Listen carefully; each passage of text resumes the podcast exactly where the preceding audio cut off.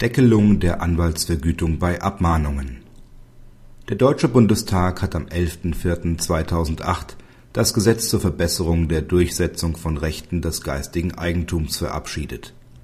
Dieses Gesetz sieht auch eine Begrenzung des anwaltlichen Kostenerstattungsanspruchs auf 100 Euro für die erste anwaltliche Abmahnung wegen einer Urheberrechtsverletzung vor.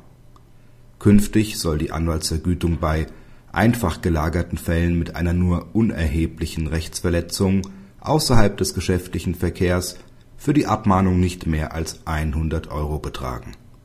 Der Regierungsentwurf hatte noch eine Deckelung auf 50 Euro vorgesehen